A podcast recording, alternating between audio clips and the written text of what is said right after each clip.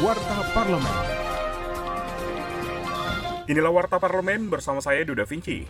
DPR RI mendorong pembangunan infrastruktur di daerah dapat membantu percepatan pemulihan ekonomi, pengembangan investasi, penyerapan tenaga kerja di Indonesia. Dalam kunjungan kerja riset ke kota Surakarta, Jawa Tengah, Wakil Ketua Komisi 5 DPR RI Arwani Tomafi mengatakan diperlukan upaya maksimal dalam pengawasan proyek pembangunan agar mampu terrealisasi sesuai target dan rencana program tata ruang daerah atau kota. Parlemen. Anggota Komisi 6 DPR RI Herman Heron mengungkapkan dalam rencana pemindahan ibu kota negara atau IKN ke Kalimantan Timur dibutuhkan konsolidasi secara konferensif dengan berbagai institusi, termasuk BUMN. Politisi Partai Demokrat ini berpendapat BUMN harus melakukan akselerasi kesiapan baik infrastruktur dasar dan penunjang. Informasi lebih lengkap kunjungi website dpr.go.id.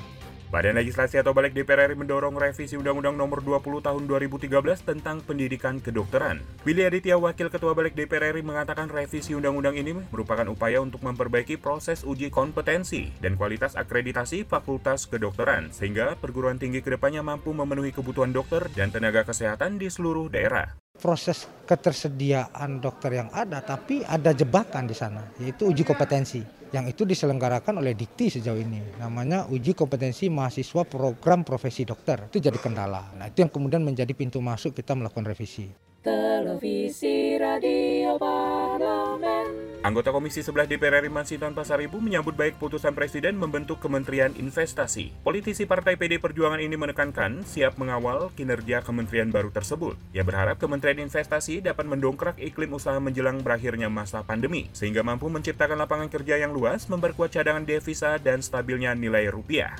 Kinerja Wakil Rakyat, pantau media sosial DPR RI.